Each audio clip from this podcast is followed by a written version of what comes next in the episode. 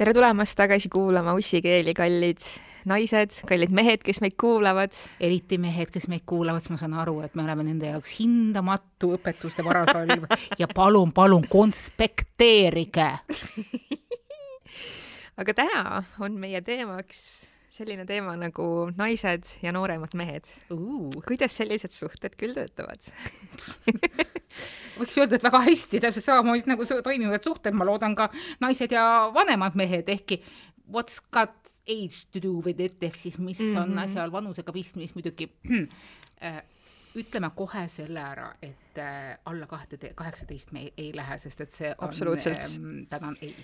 kindlasti, see on väga taunitav. see on hoopis teine teema, eks ju. Yeah aga me räägime täiskasvanud inimestest. jah, just, just et äh, rääkisime siin enne salvestama hakkamist äh, natuke siis sellest või noh, mina siis rääkisin, et äh, olen taas läinud rännakutele äh, suhtlusportaalide maailmas, ehk siis äh, ma ei äh, alla, ma ei, ma ei laadinud alla endale Tinderit enam, vaid ma laadisin alla siukse äpi nagu Bumble, mis on ka väga tuntud äh, siuke date imisäpp. ja esimest korda elus, ma olen kahekümne kuue aastane naine, esimest korda elus ma mõtlesin, et järsku oleks aeg vaadata natukene ka siis endast nooremaid inimesi. kuna mul on väga sügavad äh, daddy issue'd, siis kogu oma elu olen ma vaadanud ainult vanemaid inimesi, vähemalt viis-kümme aastat vanem, vanemad äh, inimesed on mulle huvi pakkunud. aga ma siis läksin sinna Bumble'isse ja otsustasin, et ma siis langetan äh, selle nii-öelda vanusepiiri kahekümne kolme peale, ehk siis äh, minust nelja aast-, neli aastat nooremate inimeste peale. ja mõtlesin jah, et selle, selle nii-öelda teo taga oli mingisugune üsna niisugune kergelt nagu toksiline või isegi psühho-, psühhopaatiline idee, et ehk ma leian endale selle noorema inimese ja kes on niisugune värske ja veel nagu rikkumata ja vormimata nii-öelda ja ma saan ta siis võtta enda tiiva alla ja vormida ta kuidagi normaalseks inimeseks justkui. ehk siis ma õpetaks talle, mis asi on emotsionaalne intelligentsus, kuidas seda saavutada, rääkida, kuidas asjad maailmas käivad, rääkida feminismist, toksilisest maskuliinsusest, sellest kõigest ja kuidagi siis jah, üritada nagu vormida endale sihuke sobiv kaaslane justkui et äh, rääkisin ühe oma meeskolleegiga sellest ideest, kes on ka minust noorem ja tema ütles selle kohta, et see on väga psühhopaatiline idee. Ma ei tea, selles suhtes see on muidugi poolsarkasmiga kõik öeldud, et äh, et noh, see, see, see, muidugi see tundub natukene selline kergelt nagu mingi äh, ma ei tea, kas see ei ole otseselt nagu mingisugune lolitatamine, et ma nüüd võtan endale mingisuguse noore ja kogenematu inimese ja siis äh, kuidagi kasutaks teda ära või mis, mis iganes, aga aga jah, sihuke, sihuke idee mul tuli, ma ei tea, Manona, mis sa arvad siuksest ideest? ma arvan, et, et esiteks, kui ta on sinust kolm aastat, kui see vanusepiir on sinust kolm aastat või neli aastat väiksem, siis on see täpselt sinu enda vanusepiiri sees. et sa ei ole tegelikult läinud nii-öelda enda slotist allapoole mm -hmm. hälle röövima, mis inglise keeles on äh, äh, et äh, aga see on mingisugune kummaline asi, ma olen seda ka alati tähele pannud, et, et suhete juures on nagu okei okay või isegi soovitatav, alati räägitakse, et noh, et, et naine ja siis kümme aastat vanem mees noh, mina ise olen leidnud, et, et see on väikeste probleemide algus, sellepärast et niisugune suhe ei saa olla väga äh, võrdne.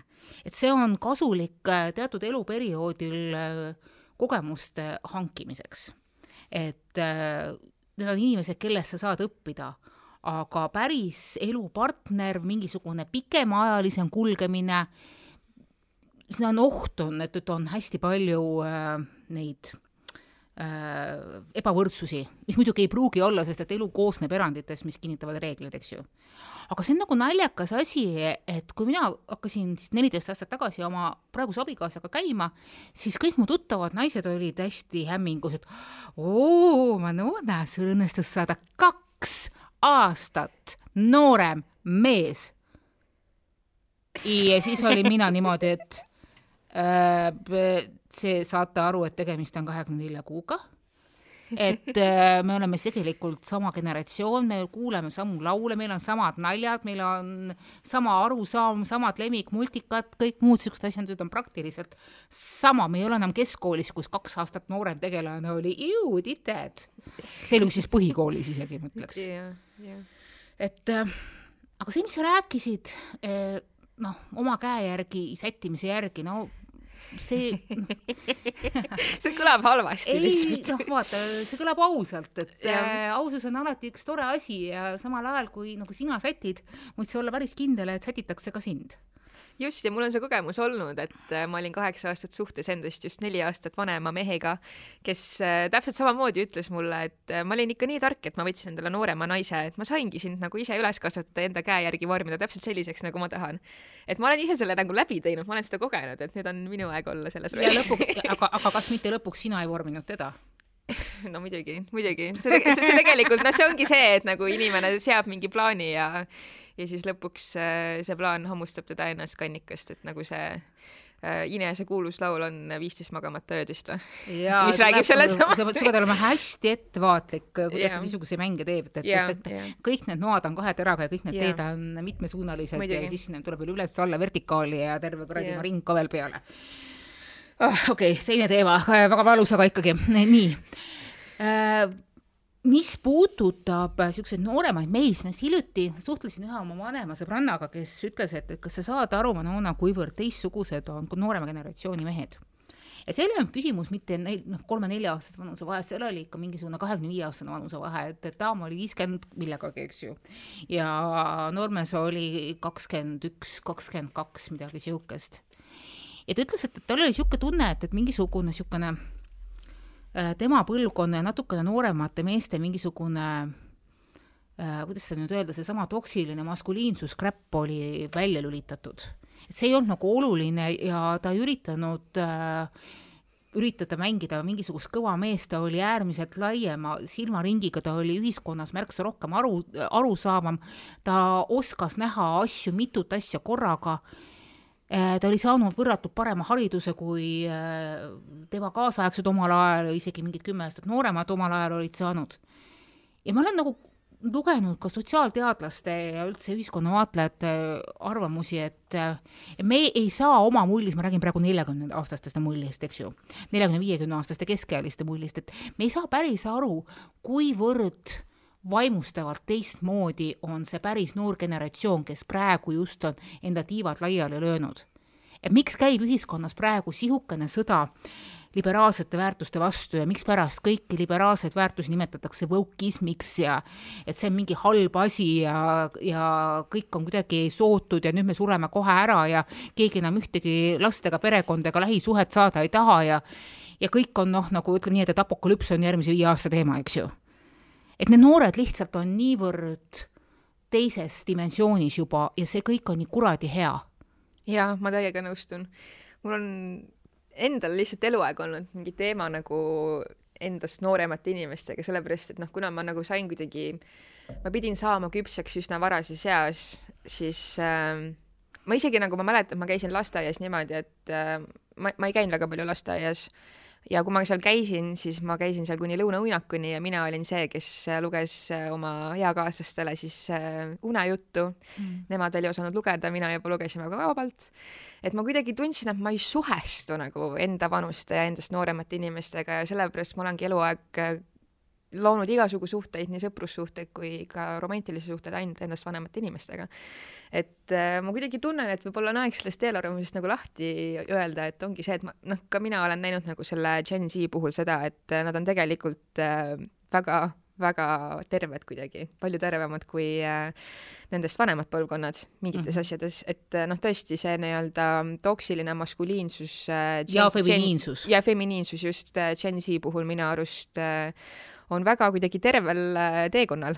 No just nimelt, et, et nad, äh, nad on kuidagi äh, suutnud õppida vahepealsetest generatsioonidest, nemad on need, kes on mitte ainult, et nad ei ole taasiseseisvumise ajal üles kasvanud, vaid nad on üles kasvanud perioodil, kui meil oli esimene küllusaeg. mis tähendab seda, et, et oli võimalus peredel käia reisimas, oli võimalus käia ja lubada lastele erinevaid huviringe, näidata maailma, lugeda asju, tuli internet väga suure lainena peale, peale ja sai absoluutselt kõigile kättesaadavaks, nende maailm on märksa laiem ja vaata juba sinu puhul on see, et, et ma olen täiesti nõus sellega, mis su, mis su ema rääkis, me rääkisime sellest saate alguses, et sinul on tegelikult hästi vana hing.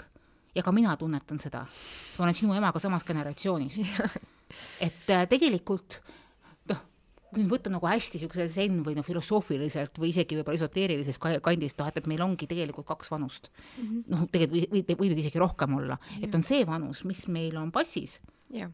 ja see vanus, mis meie enda peas on ja mõnikord muidugi tundub, et need skaalad lendavad vasakule-paremale ja olen piisavalt palju näinud mehi eriti, kus need kusagil neljakümnendates, viiekümnendates, kuuekümnendates need äh, emotsionaalsed vanuseskaalad panevad alla kusagile mingisuguseid kiikse välja ravima.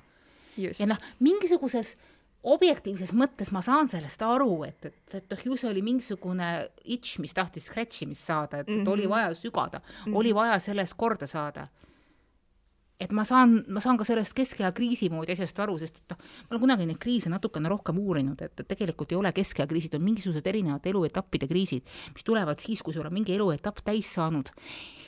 ja selle tulemusena sa oled aru saanud, et äh, rada, mis siia on sind toonud, ei vii sind edasi ja sa pead mingisuguse uue asja leidma ja siis leid-, leiutatakse erinevaid viise, et, et noh, et, et kes üritab uut partnerit saada, kes mõtleb, et noh, et, et mul on vaja võimalikult noort partnerit, kes tahab võimalikult uhket autot saada, kes ostab hulk, hulk, hulkade kaupa mingeid lollakaid kleite kokku, milles olen mina süüdi, eks ju äh,. igaüks läheb lolliks enda moel. aga noh, me oleme inimesed, me kõik teeme aeg-ajalt lollusi. jaa um mul on, ma olen sellest ka varem siin saates rääkinud, aga mul on äh, Soomes elab üks äh, inimene, kellega mul on väga hea nagu emotsionaalne ja vaimne side tekkinud, ähm, kes on äh, siis ka nagu vanem meesterahvas ja ma lõpuks sain teada ta vanuse ja ta lõpuks julges mulle selle välja öelda ja ta on siis neljakümne seitsme aastane, ehk siis põhimõtteliselt võiks ta olla mu isa. Sa ikka tead, et mina olen nelikümmend kuus? jah. Et ja sina võiks olla ka mu ema, muidugi. Äh, aga ma rääkisin sellest ka mu emale ja siis mu ema hakkas selle peale naerma ja ta ütles, et, et jah, ma saan aru, et sul, su hing on justkui nagu viiekümne aastasel, et no. nagu selles mõttes ta nagu sobiksid arvatavasti ideaalselt, aga kas nelikümmend seitse ikka ei ole liiga palju ja siis ma hakkasin mõtlema, et noh, tegelikult nagu mis, mis nagu vahet seal on, et Just. et noh, muidugi ma ei ole selle inimesega veel kokku saanud nagu päriselus koroona tõttu, et ma noh, see ongi see, et ähm, teoorias ja internetis suheldes võib see ju tunduda ideaalne, aga kõik selgub siis, kui ma saan temaga päriselt kokku ja ma tunnetan tema nii-öelda vibe'i ja energiat ja kuidas nagu see nagu päriselus kõik, eks ole, toimib. aga nagu selle tõttu, et ta on nelikümmend seitse, ma ei hakka seda suhet ju või noh, seda kõike, kõike nagu maha kriipsutama, et jumala eest, issand, ta võiks olla vanuselt mu isa, nagu mis vahet seal on? see on sama, sama põhjus, et kui kunagi mul väga hea tuttav äh, naisterahvas hakkas äh, kokku elama noormehega, kes oli temast, no see oli ikka suurem vanusevahe, seal oli kolmkümmend viis aastat vanusevahet ja terve tema tutvusringkond arvas, et noh, mul lolliks läinud. siis mina olin üks nendest, kes leidis, et noh, ma ei saa aru, milles probleem on. aga nad on üksteisest sõltuvad. aga täpselt samamoodi nagu üks on sõltuvad, sõltub teisest äh, materiaalselt, on teine sõltuv esimesest äh, vaimselt yeah.. ja need tänaseks on omavahel segunenud mm. -hmm. ehk siis äh, mõlemad panustavad nii vaimselt kui ka materiaalselt suhtesse ja see suhe on kestnud üle viieteist aasta ja see on, issand rohkemgi. ja see on üks elutervemaid ja normaalsemaid suhteid, mida ma olen näinud. et noh, hea on see, mis inimesed teevad õnnelikuks ja kus inimesed muutuvad üksteise paremateks versioonideks. just muidugi, ja noh, ka selle neljakümne seitsme aastase mehe puhul lihtsalt noh, tema puhul mind köidab see, et ta on esimene mees, kelle puhul ma tõesti ei ole veel tunnetanud grammigi sellist, sellist nagu mingit toksilisust või või, või midagi sellist, et mul ei ole veel ühtegi sellist nagu nii-öelda punast lipukest tema puhul särama löönud, mis on väga väga hämmastav mu jaoks, et noh, see ongi see, et okei okay,, ju siis äh, ma olen leidnud lihtsalt inimese, kes on emotsionaalselt küps ja ta on neljakümne seitsme aastane. okei okay,, mis vahet seal on, so what. jah. Ja, tänapäeva situatsiooni järgi on, on tal vähemalt nelikümmend seitse aastat veel elada. Yeah.. et pikk elu, äh, mitu armastust, mitu kogemust, et äh, see pole nagu hullu. Noh, ma olen olnud ajakirjanik kusagil alates alates aastast üheksakümmend kolm, eks ju. ma olen pidanud tegema neid paganama crap naiste ajakirjanduses tammlugusid, et, et noh, et, et kahekümnendad on uued kolmekümnendad ja kolmekümnendad on uued neljakümnendad, neljakümnendad uued, ma ei tea, mis asjandused. ja ma olen kogenud, kuidas kummalisel kombel nagu minul jookseb kogu aeg see vananemine eest ära et äh, inimesed ongi nooremad ja inimesed ei lase ennast äh, poole eluea peal maha matta, sest et noh, kui nüüd võtta, kui nii võtta, siis äh, see, et, et meie vanaemad, meie emad kaheksakümnendatel, seitsmekümnendatel arvasid, et äh, kolmekümnendad on need, kus kohast tulevad keskiga ja neljakümnendad on see, et, et kus hakkad pintsile valmistuma ja viiskümmend viis ongi kõik plaks ja taega adjöö, ma ei tea, mis sa pärast teed. eks ju, hakkad vaikselt äh, lina, linu otsima, valgeid, selliseid, millega hakata kalmistu poole minema. et, äh, et, et see on õnneks nagu ära lõpetanud, et noh, vaata, kui sa näiteks kodus albumis vaatad pilte kahekümne viie aastast inimestest, nad on võrreldes sinuga kaks korda vanemad näevad välja ja mitte sellepärast, et meil oli Nõukogude eliit ja see oli tohutu õudus igasuguste väljanägemiste ja võimaluste juures, et, et sul ei olnudki reaalselt midagi ilusat selga panna ja sul ei olnud võimalik ilusat kodu teha ja noh, paljud nendest inimestest olid, kes suutsid kolmest niidi jupikesest eh, teha mingisuguse vinge, ma ei tea, baleriini, eks ju. et eh, see oli pigem niisugune mentaliteet, et äh, et niipea, kui sa keskkooli lõpetasid, niipea hakkaski vananemine pihta, et see oli see, et kakskümmend üks, äh, noh, vabandust, kakskümmend kaks viimane taks. et kui sa kaheksateist, üheksateist aastaselt ei olnud endale titte taha saanud ja abielus, siis olidki kõik. ja kolmekümnendates olid sa juba noh, niisugune keskele liginev ja neljakümnesed tähendas seda, et, et noh, nüüd hakkame siis jah, tõesti vaikselt mulda peale kraapima. ja see on nagu vaikselt läinud Eesti taasiseseisvumisega nagu edasi, et et noh, kõigepealt tuli see nii-öelda kahekümnendate teise poole rehabilitatsioon, et, et oi, ikka ei ole nii vana ja ma olen nagu pidevalt nagu näinud seda, et nagu osad minu sõbrannad on nagu, nagu tuttavad on nagu mina, et noh, et, et mis vanus, lõpeta ära. ja osad on need, kes on omaenda emade mõju all, et, et issand, issand, sa oled kakskümmend viis ja sul ei ole meest, mis elu sul selline on ja miks sul ei ole lapsi ja noh, sinna juurde kogu see kräpp ka, et, et naise viljakus, kas teate, hakkab ikka vanusest kolmkümmend oluliselt kas-, kahanema ja tuleb igasugused värdvormid sünnitamiseks ja muud siuksed asjandused, mis on nagu puhas kräpp, teeb inimene, kes on sünnit-, sünnitanud neljakümne ühe aastaselt täiesti terve lapse see selleks.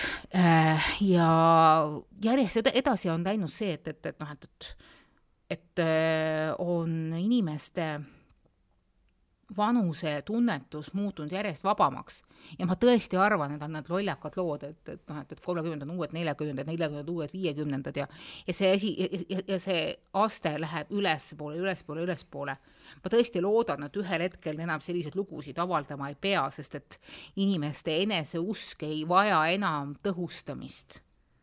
ehk siis inimene saab aru, et tema väärtus ei ole tema nooruslikkuses ja et kogu ühiskond ka, just nemad samad keskealised mehed saavad aru, et naise väärtus ei ole nooruses. pigem, pigem just võib-olla vanuses, et, et tuleb midagi kahe kõrva vahele ka, oskab igasuguseid trikke teha. võib-olla peaks just neid samuseidki keskealised naised õpetama keskealisi mehi, et, et äh, mis trikke kõik võib teha. ja selles suhtes, et äh, kui palju tegelikult mõjutab inimeste enda nagu mõtteviis ja see, kuidas nad kuidagi seda elu ja reaalsust kogeb, kogevad mm, -hmm. et see on nagu tegelikult väga oluline, et äh, ma näiteks äh, käisin eelmisel suvel, mu ema käis oma äh, vist keskkooli e, jah, keskkooli kokkutulekul ja ta pärast näitas mulle neid pilte, mis nad seal tegid. ja mu ema on tõesti, ta on olnud väga nooruslik kogu aeg, ta, tema on tõesti niisugune inimene, kelle kohta ma ütleks, et tal on noor hing, et mm -hmm. ähm, ta on üliaktiivne, ta hoolib oma välimusest, oma tervisest, kõigest sellest ja ma vaatasin neid pilte pärast ja see, see on lihtsalt nii naljakas, kuidas mu ema nägi, kuigi nad on kõik sama vanused, kes seal kohal olid mm, -hmm. kuidas mu ema nägi nendest kümme-viisteist aastat nooremad välja, sellepärast et kõik need inimesed äh, nägid välja, noh, ta oligi nagu kuidagi mammistunud, ma ütleks, et noh, kuidagi nad nägidki välja nagu siuksed äh, siuksed vanaemad ja siuksed nunnud ja värki, et, et noh, selles muidugi ei ole midagi halba, aga samas see jällegi nagu minu arust tõestab seda, kui palju nagu inimese enda suhtumine ellu kuidagi mõjutab seda, kui, kui nooruslik ta välja näeb, kui, kui nooruslikult ta kuidagi ennast esitleb ja kõike seda. ja kui rääkida veel vanusest, siis kusjuures eile ma scroll isin Instagramis ringi ja mul jäi niisugune postitus ette kontolt Naked Love Official, kus üks inimene kirjutab, et äh, kinkisin oma kaheksa, kaheksakümne kuue aastasele vanaemale vibraatori. ta on täna üheksakümmend üks ja arvab, et regulaarsed orgasmid on tema hea tervise suur mõjutaja. enne vibraatoriga tutvumist oli ta saanud kaks orgasmi oma elus.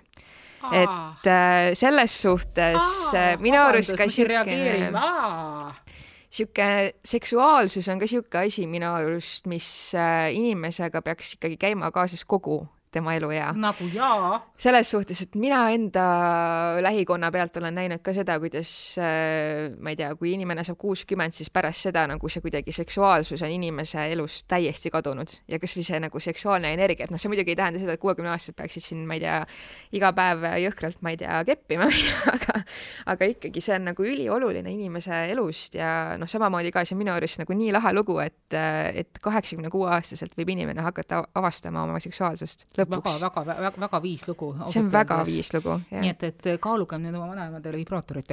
ja ma kirjut, kirjutasin ka meie töövestluses, et, et nüüd teate siis, mida kinkida oma vanaemale järgmiseks sünnipäevaks. Suurepärane mõte, see oleks olnud hea emadepäeva kingitus ja naiste, naistepäeva kingitus ja, ja natukene hiljaks jäime, aga noh, okei okay, küll neid tähtpäevi ikka veel ka tuleb, eks ju aga mis puudutab sellesse mammistumisesse, siis äh, mulle ei meeldi, noh, okei okay,, ma saan aru, mis selle all mõeldakse äh, ja ma saan aru, et, et see on käepärane nimetus ja, ja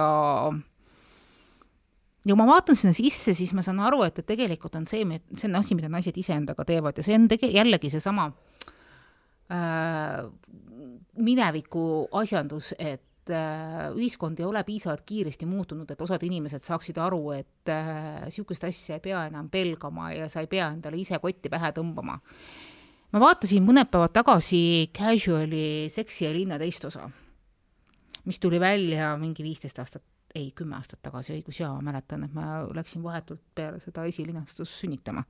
laps, ei, üksteist aastat tagasi, jah oh,. see on siis teine, teine film, on ju, mitte seriaal, mõtled filmi? film, film, jah yeah,. Okay. ja see filmis on niisugune koht, kus kohas Samantha tuleb mingisugusele esikale samasuguses kleidis nagu Miley Cyrus jaa on küll. ja kõik inimesed ja kogu loo narratiiv äh, on õppetund selleks, et, et, et ei ole vaja toppida endale liiga noore inimese kleiti selga. ja mina aastal äh, kaks tuhat kakskümmend üks vaatan seda ja mõtlen, et mis sellel kleidil viga on? täpselt, mis on noore inimese kleit ja mis on vana inimese kleit? mis selles kleidis viga on? oli ta seal liiga palju dekolteed? no ei olnud väga palju, oli seal kintsud näidatud, no jaa, ilusad kintsud on ju, mõlemal näitlejal olid ilusad kintsud. oli käsivarr näidatud, no kui inimesel käsivarred on, siis miks ka mitte, eks ju, näitame seda. see ei ole enam see mingisugused seitsmekümnendad, et, et naised peale kolmekümnendat eluaastat ei tohi enam oma käsivarsi näidata Need ikka tohivad küll, nad võivad täpselt seda näidata, mida nad tahavad, niikaua kui neil on mugav, hea täpselt. ja soe olla, just nimelt mugav, hea ja soe just. et, äh, et kuidas, kuidas saab riietust võtta selle järgi, et, et noh, et, mida keegi äh, võib kuidagi äh, nimetada silma riivamiseks, kui me räägime silma riivamisest, siis võiks Tallinna kesklinna vaatepildist ära roni, koristada kõik need paganama õllekõhtudega mehed, kes esimese sooja ilma juures arvavad, et nad võivad keset kuradi tänavat käia palja ülakehaga. no vabandust, ei ole midagi vaadata, aga saad aru, mina liberaalse ja lepliku inimesena, ma lihtsalt vaatan mujale, las ta siis käib, las ta tunneb ennast hästi, jumala eest. Yeah aga kui noh, siin äh, feministist see Fidelia käis paar aastat tagasi oma väga vormis ilusate pisikeste rinnakestega Eestis äh, ringi, siis temale kutsuti politsei. okei okay,, eks ju, noh, see selleks, jälle natukene off topic, aga see, mida nimetatakse naisele teatud eas sobivaks riietuseks, on endiselt nii paganama sassis omadega, et mingisuguses vanuses sa justkui ei tohiks enam liibuvaid riideid kanda, mingis vanuses sa ei tohiks enam kanda suuri dekolteesid, ma loodan, ma elu sees niisugusesse vanusesse ei lähe, sest et noh, ma absoluutselt armastan suuri dekolteesid. ja sa ei tohi järsku äh, kanda pikki käiseid, tähendab lühikesi käiseid või et, et ei tohi kanda minikleiti või siis mingisugust muud niisugust asja. oluline on mugavus yeah., et noh väga paljud nendest asjadest tõesti, mis puudutab äh, võib-olla mingisugust minit ja mingisugust liibuvat lõiget ja noh, tõesti ei ole kõige mugavam ja noh, ise tead, mis sulle sobib. aga see, et, et mingisugune ambivalentne nimetu ühiskondlik arvamus tuleb ütlema, et kui sa oled nelikümmend viis ja sul on kolm pluss last ja sa pead panema edaspidi selga vormitud äh, mitte midagi ütlevad retuusid ja põikidriipudega kaltsukast, vabandust, äh, Balti jaama turu ülemiselt korruselt ostetud äh, hõlsti, siis äh, ei. See ei ole niimoodi. Jaa, ei ma täiega nõustun sinuga, samas nagu ise ma naisena kuidagi olen kogenud seda, et ähm, et see on ikkagi nagu minu jaoks, kui ma tahan näidata oma keha, kui ma tahan kanda liibuvaid riideid, kui ma tahan näidata oma dekolteed, siis mul tekib nagu endal ikkagi nagu ebamugavus mingi hetk, sellepärast et äh, jällegi meesterahvad, mul on tunne, et nad lihtsalt vaatavad mind kui objekti, mul on isegi olnud kogemus omaenda otsese ülemusega, kus ma tulin üks päev tööle ilma rinnahoidjata, sellepärast mul oli lihtsalt selline bluus, kus rinnahoidja ei oleks sobinud, eks ole. ja ma läksin temaga rääkima ja kaheksa protsenti ajast, kui ma temaga rääkisin, vaatasin ma talle silma ja tema silmad vaatasid otseselt mu rindu. et äh, see on lihtsalt nagu niivõrd ebamugav. Täna ka, kusjuures ma ei pannud selga rinnahoidjat, sellepärast et nii palav on ja mulle väga meeldib ilma aluspesuta käia. Mulle ka, kusjuures ma olen selles isegi loo kirjutanud, et miks tuleb kanda suvel pikki maksikleite? sest sinna alla ei pea mitte midagi panema, sa paned hommikul duši alt tulles kleidi selga, astud uksest välja ja et voilà kusjuures äh, ma ei ole kandnud äh, aluspükse juba mingi üle aasta, sellepärast tuli kus... me teada ei saa. ja kusjuures see tuli sellest, et eelmisel kevadel, kui mul oli mu suur äh, sekspeditsioon, ehk siis ma magasin Tinderis ringi, siis mul oli siuke tunne, et need aluspüksid lihtsalt on siuke ebamugav faktor, mis jääb, jääb ette, sellepärast mul oligi nagu iga päev oli lihtsalt šanss, et noh, võib-olla täna läheb asjaks, et nagu mis ma siis nendest aluspükstest ikka jalga panen. kodupere naisena ütleksin ma täpselt sedasama asja, et, et ei ole mõtet endale aluspüksi jalga panna, et noh, et lapsed magavad, teevad teises toas midagi mm,, ihus koputab, niisugune riidetükk seal vahel. Just, ja pärast seda kuidagi ma ei olegi kandnud neid ja mul on täiega mugav ja kõik on nagu väga okei okay., et ma ei tea, aluspesu on niisugune mingi imelik asi minu jaoks kusjuures, kusjuures kui kanda aluspesu, siis kanda korralikku aluspesu, et, et ja. mina kannan täna väga ilusat korralikku kõrge pihaga Bridget Jonesi püksikuid sellel lihtsal põhjusel, et nad toetavad mu selga mm. -hmm sellepärast et ma tunnen ennast hästi, kui ma rattaga sõidan, mul on selg poolkumeras asendis mm. -hmm. Ja tulin täna hommikul rattaga tööle, et, äh, et see annab mulle mingisuguse lisatoe ja see liibuv kleit, mis mul seljas on, äh, tänu sellele ma tunnen ennast selles kleidis kuidagi paremini, ta ei ripu ega kisu kusagilt valedest kohtadest. nii et, et noh, et aluspesu on pigem selline noh, nii-öelda äh, boonusasjandus sest et noh mm -hmm., tegelikult kui nüüd oleme noh, ju rääkinud päris mitmete meestega kõikide nende seksuaalsust, seksuaalsust puudutavate eksiarvamuste ja hoiakute juures, et et aluspesu kui seksile kaasa aitav asi. ja tead, mis mulle päris mitmed mehed on öelnud? et see on sajandi kõige suurem hoax, kõige suurem viga, et või noh, ühesõnaga nagu mingisugune eksiarvamus, et naised arvavad, et, et nad ostavad mingisuguse eriti vinge pesu ja panevad need selga ja kannatavad nende eriti äh, kratsiva ajavate stringide, sest et noh, pits ajab kihelema naha, mulle ei meeldi üldse pits. Mm.. et on ilus vaadata, aga mm -hmm, noh, igapäeva praktilises yeah, situatsioonis yeah. noh, ouch. Noh, mul on võib-olla ka mingisugune ülitundlikkus, ma ei oska öelda. Yeah., aga et, et noh, et kui asjaks läheb siis see pitspesu lendab kõige esimesena. jaa, muidugi. viimane kord, kui ma mingisuguse suvalise inimesega siis äh, seksuaalsuhetes olin, siis äh, kusjuures sellel mehel oli veel kõige suurem peenis, mida ma olen oma elus veel kohanud see oli väga suur pluss.